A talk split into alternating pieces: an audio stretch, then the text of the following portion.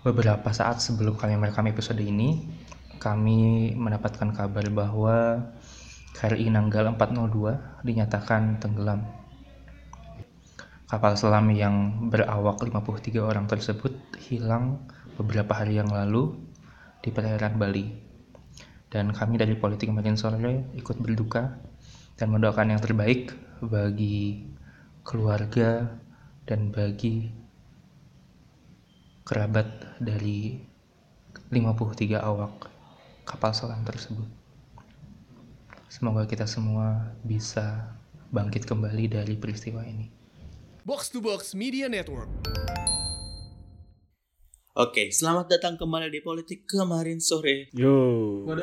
Hai, hai kawan-kawanku. Eh, sekarang kayaknya kalian berdua sudah di Bandung ya? Alhamdulillah. Tapi tapi tetap online. Iya nih, maaf. Saya kayaknya nyaman nih di sini. Dan kayaknya kalian pulang memang sengaja kan sebelum waktunya harus pulang pakai surat dinas kan? Bukan pakai Iya, surat iya. dinas. Emang nggak boleh masuk dan awalnya kan 6 6 Mei ya, 6 Mei sampai Ya, berapa 14 ya? 6 sampai 17. Oh 17 Mei ya. Awalnya kan di mana eh, kita dilarang untuk melakukan mudik gitu. Atau boleh melakukan mudik Hmm. tapi mudik lokal di beberapa daerah ya wilayah misalnya Bandung Raya, Jabodetabek, Semarang Raya dan sebagainya kayak gitu. Sebelum ternyata kemarin 21 April itu keluar kebijakan baru. Sebenarnya kayak ini sih, kayak PPKM mikro lagi kan. Jadi perjalanan Iya, iya. diperbolehkan hanya harus bawa apa? surat Rapid rapid test atau PCR lah. PCR ataupun eh, Ginos kan yang paling murah. Jadi ada pergantian kebijakan. Eh, sebelum-sebelumnya kan nggak diatur tuh dari sebelum 6 Mei dan sesudah 17 Mei. Sekarang agak diperketat, diberikan pengaturan masih boleh berpergian, tapi syaratnya itu hasil negatif tes PCR atau antigen maksimal 1 kali 24 jam. Atau boleh juga pakai Ginos tapi harus Genos tapi harus sebelum keberangkatan. Ini kayaknya dalam rangka apa ya? Gue kayak ngelihat pemerintah yang udah udah ada pembiaran tapi masih di dihalus-halusin gitu. Iya. Menurut kalian gimana? Tapi kan emang apa sejak sejak yang awal ya kebijakan awal di mana H-7 dan H plus 7 itu ada pembatasan kan sebetulnya se- dari minggu lalu pun sudah banyak yang mulai mudik kan apalagi dari dari Ya. luar Jawa tuh yang kembali ke Jawa tuh se- sebenarnya udah mulai banyak sebenarnya lebih ke apa ya gue ngeliat ini lebih re- reaktif banget sih reaktif banget Mhm. kayak gitu sedangkan kan ini sebenarnya pengulangan lagi aja pengulangan kebijakan gitu Tapi reaktifnya dalam hal yang bagus kan, Riz? Kalau menurut lu apa gimana? Maksudnya walaupun dibiarkan, tapi setidaknya ada ininya lah, ada kontrolnya sedikit gitu atau gimana? menurut gua ya ini bagus sih lebih ke sebenarnya lebih ke penegasannya aja sih penegasan bahwasanya memang untuk kita mencegah apa ya mencegah biar rantai penularan itu jelas kan ya adanya tes itu kan akhirnya kan memperlihatkan kita ya waspada gitu kita nggak mau ini menyebar gitu ada rel- relaksasi berjalan tapi dengan kontrol ya dengan prokes dan juga testing yang diperbanyak sih kayak gitu Gila, gila. Faris bahasanya udah udah ini, Ve. Diplomatis. Ngeri, Ve. Diplomatis sekali. Relaksasi. Yoi, relaksasi, kontrol. Kalau dari kita-kita yang warga sipil gimana nih, Ve? Menurut Ve? Itu jadinya satu kali 24 jam ya? Ya, satu kali Satu kali 24 jam 24 jam. rapid Kalau testnya. kalau naik kereta itu biasanya tiga kali tiga kali 24 jam. Jadi mungkin ada pen- penegasan dari sisi ininya ya, penegasan ataupun eh, diketatkan dari sisi itunya. Cuman gue gue gue nanti curiga nih yang yang jinosnya positif bukan bukan ini bukan ketahuan COVID. Bukan ketahuan covid tapi ketahuan gak puasa Iya, bener kan? Karena genos itu harus berapa jam sebelum ini harus puasa kan ya? Iya, jadi malah Iya. bukannya bukannya kata wah kamu positif covid wah nggak puasa lu ya parah lu. Ya. Karena kita tidak ada yang berhubungan dengan UGM, maka mari kita kesampingkan konflik genos ini ya kawan-kawan. Tapi kalau menurut gua eh, kalau dibandingkan sama tahun lalu ya dan kondisi yang sekarang, menurut gua ini langkah yang tepat sih. Karena gua yakin masyarakat udah sebel lah sama eh, batasan-batasan nggak boleh ini nggak boleh itu. Eh, karena buat ekonomi udah pakai alasan relaksasi ekonomi itu Sekarang semuanya dilonggarin supaya alasan ekonomi muter lagi. Jadi ya relaksasi peraturan kayak gini kayaknya paling tepat ya menurut gua. Karena sekalian bisa tracing Iya, juga iya, kan. betul. Masyarakat yang mau mudik mau nggak mau tes mereka Mhm. yang biasanya nggak pernah tes. Ya ini sebetulnya Iya. ya paling ketat sih menurut gua. Paling ketat di kalau kita lihat dulu itu tes apa ya tes rapid itu tiga hari terus akhirnya di- diperpanjang bisa jadi 14 hari sekarang jadi satu hari itu ya satu hal yang bagus sih Dulu gua awal-awal masih tujuh hari. iya Bang. tujuh hari terus jadi 14 Hmm. eh 14 ya Jadi jadi tiga. 14 sekarang jadi tiga terus jadi jadi satu kan berarti kan ada ya orientasinya sekarang udah jelas kan di momen Iya, yang kayak gini gitu ya Gue punya sepupu ya di sini ya. Dari dulu tuh paling males kampanye anti rapid test dan lain-lain gitu karena dikira disangkain nyari duit doang. Minggu, minggu depan mau mudik sekarang dia rapid. loh. Demi mudik pemerintah jadi bener. Ini emang kayaknya wacana supaya naikin. Tapi yang menurut gue susah itu adalah penerapannya di jalan. Iya. Karena kita tahu ok- oknum-oknum yang minta duit di jalan yang nggak pakai surat misalnya di- dikasih lewat aja. Secara general kita tuh kan belum pernah ada gelombang kedua ya. gelombang satu saja belum Karena- beres Iya, maksud gue Nah itu ke, ke dibandingkan sama India yang sempat sempat ada terus kemudian gelombang iya. keduanya sangat-sangat tinggi gitu. Entah kenapa eh, pendekatan pemerintah kita yang setengah-setengah ini works gitu pada akhirnya.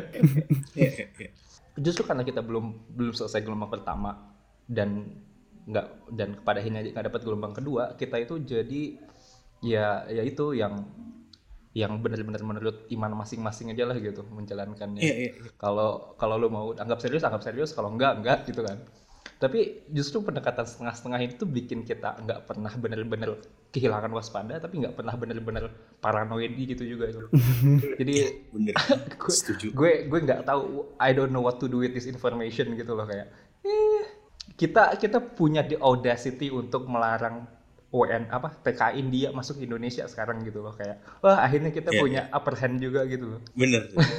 Kayak di saat pemerintah nggak bisa diharapkan mau nggak mau lo bergantung pada diri sendiri kan. Fen. Mhm. Dan menurut gue banyak banyak banget gelombang sekarang yang bilang kalau kayak kemarin tuh ada ada campaign saling jaga dari kita bisa kan Mhm. masalah oh iya terus wacana-wacana nggak butuh pemerintah dan lain-lain itu mulai naik lagi kan gue nggak tahu anarkisme tuh munculnya dari asuransi ya kayaknya itu sesuatu yang lucu aja gitu iya iya dari hal progresif tentang tentang asuransi tuh bisa naik ar- anarkisme tuh aduh sesuatu yang luar biasa sih tapi emang kebencian eh bukan kebencian kemarahan tuh belakangan lagi diarahkan ke WN India WNI juga nih jatuhnya nih WN India yang masuk ke Indonesia dari Soekarno Hatta ya katanya ada puluhan sampai ratusan orang Mhm. yang ngungsi ke Indonesia. Tapi bukan cuma itu, kemarahan juga dialahkan kepada Bapak Nadiem Makarim Wih, yang membuat kesalahan tiga kali berturut-turut. keren banget bridging lo Maksa banget ya, ketahuan. good job siapa yang marah sama Mas Nadim Nahdlatul Ulama WD dan juga eh, NU ya. NU. Mahfud MD itu NU ya. iya Oh iya NU. Iya, bener, NU. Jadi kesalahannya apa aja? Kesalahannya itu hilangnya frasa agama dalam draft peta jalan pendidikan nasional. Ini yang kemarin ramai banget ya katanya Mhm. agama mau dihapusin Mhm. dari pelajaran wajib. Mhm. Terus ada tidak tercantumnya Pancasila dan bahasa Indonesia dalam peraturan pemerintah nomor 57 tahun 21 tentang standar nasional pendidikan. Hmm. Yang terakhir nih, yang baru-baru kejadian yaitu hilangnya nama pendiri Nahdlatul Ulama dan pahlawan nasional Kiai Haji Hashim Ash'ari dari draft Kamus Sejarah Indonesia. Gimana Riz kejadiannya? Oke, sebenarnya bukan hanya nama Kiai Haji Hashim Asyari aja tapi juga nama Gus Dur yang hilang. Sempat hilang juga. Makanya kemarin sempat rame karena satu keluarga kan. ini ya benar-benar mengguncang NU struktural dan kultural ya kalau gitu ya Betul, pendiri NU gitu kan, anaknya pendiri NU gitu. Terus juga salah satu tokoh besar kan dan juga presiden malah kan. Presiden lah, gila. Sangat-sangat akhirnya kan jadi ya berita besar lah kayak gitu. Nah sebenarnya si apa kamus sejarah ini sebenarnya adalah proyek lama sebenarnya di tahun 2007 2017 Jadi bukannya zamannya Nadi- Nadim sebetulnya. 2017 itu kan zamannya Pak Muhajir Effendi. Nah, sebetulnya ternyata setelah ditelaah oleh Pak Hilman Farid selaku Dirjen Kebudayaan, ketika dicek memang waktu itu diburu-buru pembuatan si ini si apa si kamus sejarah ini. Dan waktu 2017 itu memang belum beres se- sebetulnya. Jadi di bukunya itu ada mukanya nih Kiai Ha- eh, Kiai Haji Hasyim Asy'ari ini di depan. Tapi ketika dilihat di isinya, ketika ceritanya nggak ada, hilang gitu dari si listing alfabet nama-nama pahlawan lah kayak gitu. Jadi emang ini sebenarnya murni ketidaksengajaan sebenarnya, ketidaksengajaan diburu-buru gitu ya. Akhirnya eh, lepas gitu. Nah, tapi karena berita ini tersebar luas gitu ya dan anehnya sebenarnya agak lama ya. Ini 2019 itu udah sempat masuk situs rumah belajar Kemendikbud yang bisa diakses oleh orang banyak. Cuman baru ketahuan nih di awal-awal tahun ini gitu, hampir 2 tahun kan berarti. Nah, setelah setelah apa berita ini booming, akhirnya kan ditanya karena dia dia nggak tahu apa-apa, bingung juga kan karena bukan proyek proyeknya Iya, dia kan. Cuman akhirnya setelah setelah tahu itu adalah keteledoran dari tim yang Kemendikbud, akhirnya bukunya ditarik kayak gitu. Bukunya ditarik sementara gitu kan sambil diperbaik cuman kan ya tadi tidak hanya keluarganya Gus Dur tapi orang-orang NU pun sudah ngeluarin, banyak ngeluarin statement lah kayak gitu. Karena sebetulnya Kemendikbud pun sempat bikin juga satu buku khusus buat Kiai Haji Hasyim Asy'ari dan itu melibatkan tokoh-tokoh NU dalam penulisannya. Ya, ya. kalau dibilang sengaja sih ini agak sulit sih kayak gitu. Benar-benar ya udah gitu. Mungkin saking banyaknya pahlawan ya. Dan kadang-kadang namanya mirip-mirip lost gitu satu dan emang karena buru-buru aja gitu. Dan menurut gue sebenarnya juga karena waktu sih ini kan proyek lama ya dari 2017 17 ya Ya empat tahun lo nggak sempet masukin nama Gus Dur keterlaluan sih men. Oke. Eh, kita lempar ke Ave yang istrinya orang NU. Ya, Emang jago banget bridging gue nih hari ini. The best gue. ya menurut gue em, agak-agak agak-agak blunder sih ya. Ini kan lebih ke lebih ke maintenance prog- programnya yang kurang bagus ya. Tapi agak-agak blunder soalnya yang lo yang bi- yang lo bikin marah tuh NU gitu loh. Hmm. Ya. Nah, orang-orang NU ini sangat-sangat punya sangat-sangat punya influence ini sebenarnya di Wakil presiden loh. Iya gitu. Jadi salah salah aja lu kalau kalau misalnya akhir-akhir ini kan agak cukup sering ya clash antara Kemendikbud sama NU. Ini gue curiga ada Iya. Ada ada mallnya nih di dalam Kemendikbud nih ada ada ini ada apa? ada Ada ada double agent orang gitu. Iya double agent. ada double agent gitu. Dan itu kan keahlian orang-orang NU tuh masukin semuanya, masukin orang NU ke institusi mana pun pokoknya ada, ada orang NU pasti Iya. gitu. Jadi ya Udah kayak Israel ya. sebenarnya menarik gimana em, dalam proses apa ya pembuatan buku-buku ataupun pe- penulisan sejarah dengan tema pahlawan itu pasti selalu selalu banyak konflik kepentingan ya di sana ya. Hmm. Kita ingat gimana waktu dulu eh, kit- dimasukkan bu, eh, istrinya Soeharto ya, istrinya Pak Harto Hmm. dimasukkan ke dalam Putin. Putin dimasukkan ke dalam eh, pahlawan nasional itu juga kan sebenarnya membingungkan juga kok bisa gitu loh dan dan sangat cepat gitu prosesnya gitu dan Oh iya iya. dan ini jadi ya mungkin shed a light lagi gitu ya di mana eh, agak-agak problematik status pahlawan nasional ketika em, institusi sejarah kita juga belum terlalu belum terlalu apa ya belum terlalu kuat gitu loh. Jadi iya. ketika seperti ini kan kemudian yang punya yang punya suara tuh orang-orang yang punya kekuatan gitu loh. Kita sering dengar bahwa Tan Malaka tidak dapat uh, recognition gitu misalnya Iya. kalau kita tahu ini Gus Dur dan Kiai Haji Hashim Asyari ini nggak dimasukin karena keluarganya keturunannya itu orang yang punya pengaruh gitu loh sementara itu orang-orang yang kemudian mungkin punya jasa sama besarnya tapi Iya. kemudian tidak punya keturunan yang powerful ataupun legasinya tidak tidak menjadi tidak punya pengaruh seperti seperti NU sekarang gitu loh ya itu kan Oh. kita agak-agak Yang lo sorot aja. ironisnya gitu ya, Fe.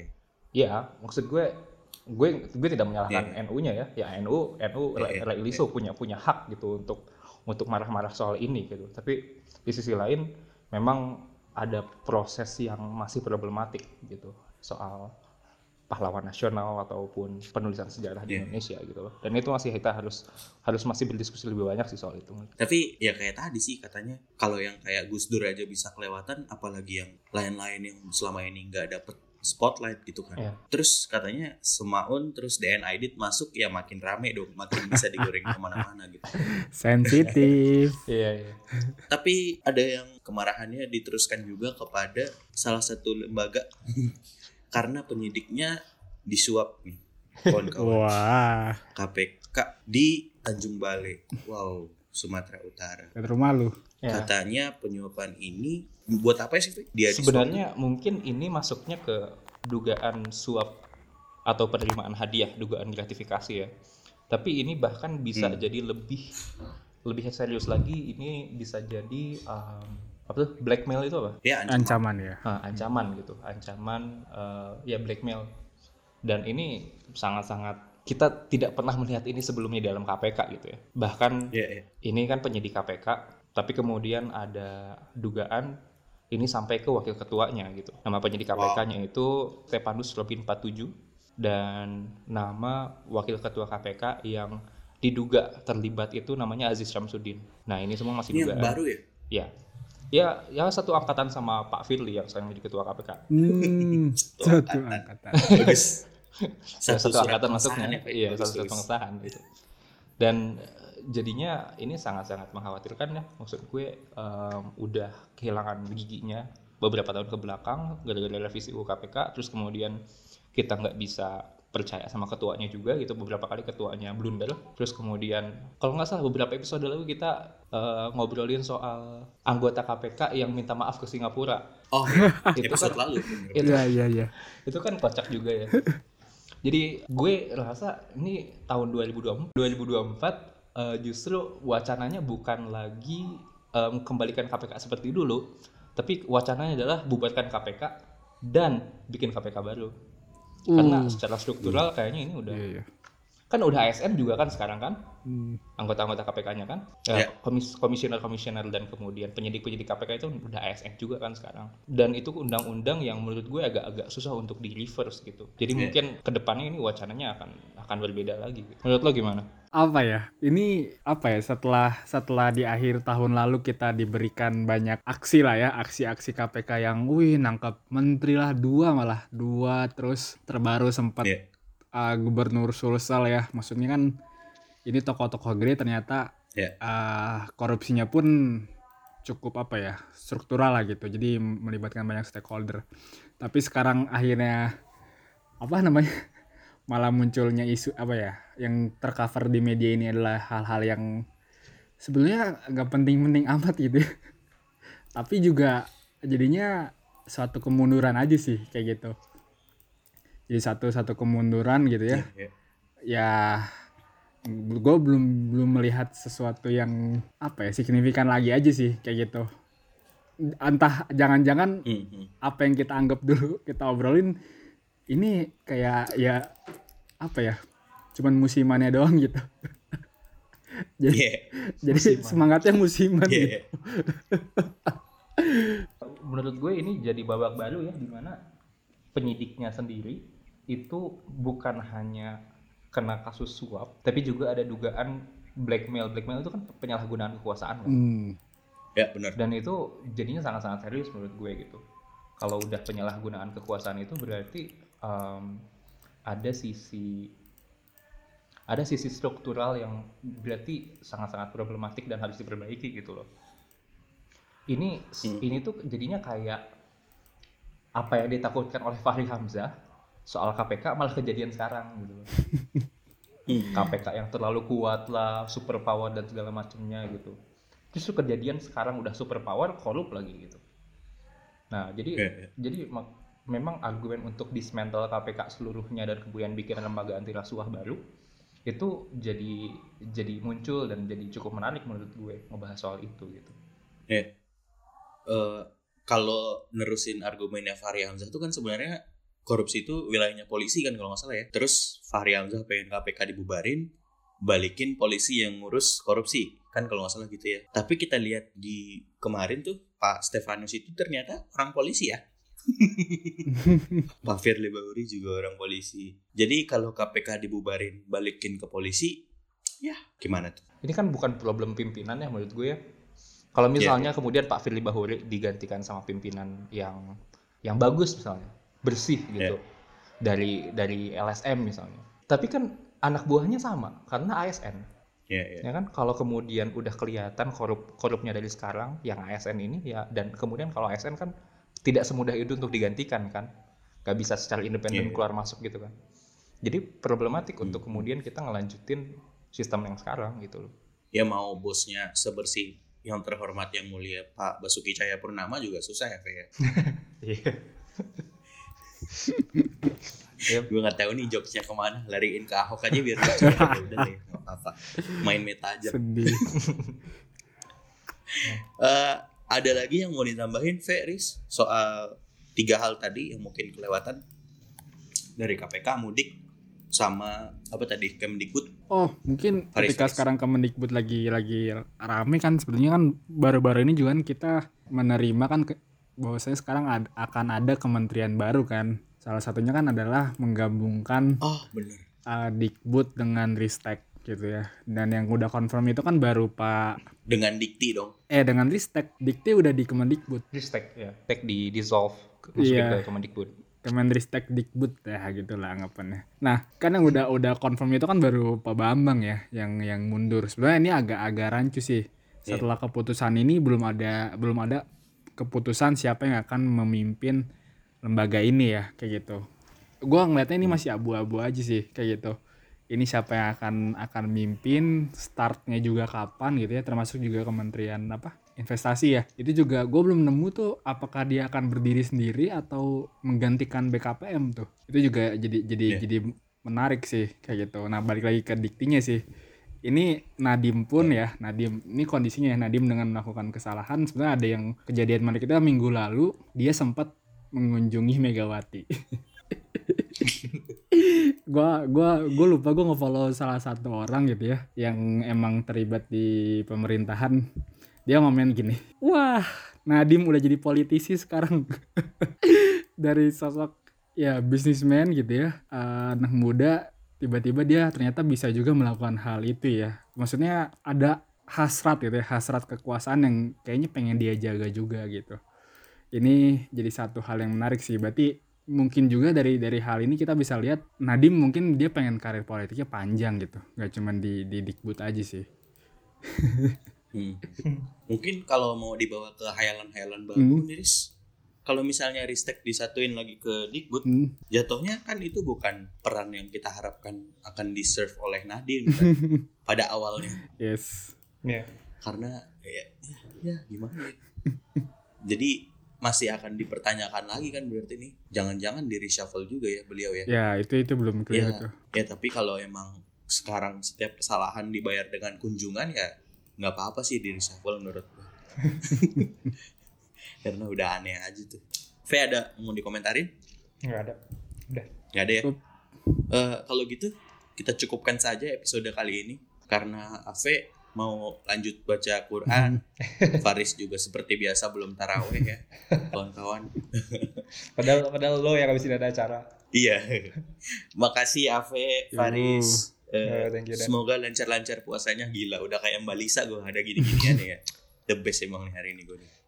Jangan lupa follow Instagram, Twitter di kita di @p kemarin sore, Instagram Ave di Avenoresa, eh, Faris di G Faris Fasya, eh, saya di Dani.Rizky. Itu aja. Sampai jumpa di episode-episode podcast politik kemarin sore selanjutnya. Makasih kawan-kawan. see you Thank you.